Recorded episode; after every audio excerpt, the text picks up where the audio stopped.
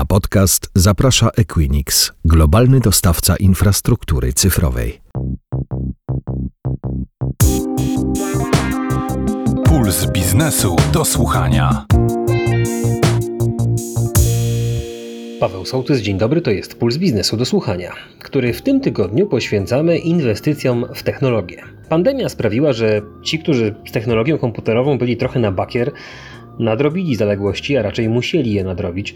Handel i porozumiewanie się przenieśliśmy w bardzo istotnej mierze do internetu. Pracownicy biurowi, chcąc nie chcąc, przesiedli się na tryb pracy z domu.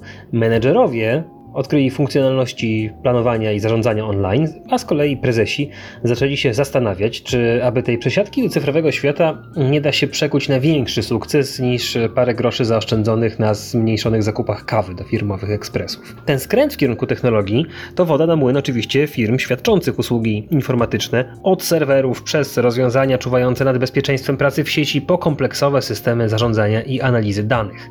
W tym odcinku Pulsu Biznesu do słuchania przyjrzymy się temu od strony kupujących, dostarczających takie rozwiązania oraz inwestujących w ten trend, bo każdy ma tu swoją optykę i perspektywę. Zaczynamy.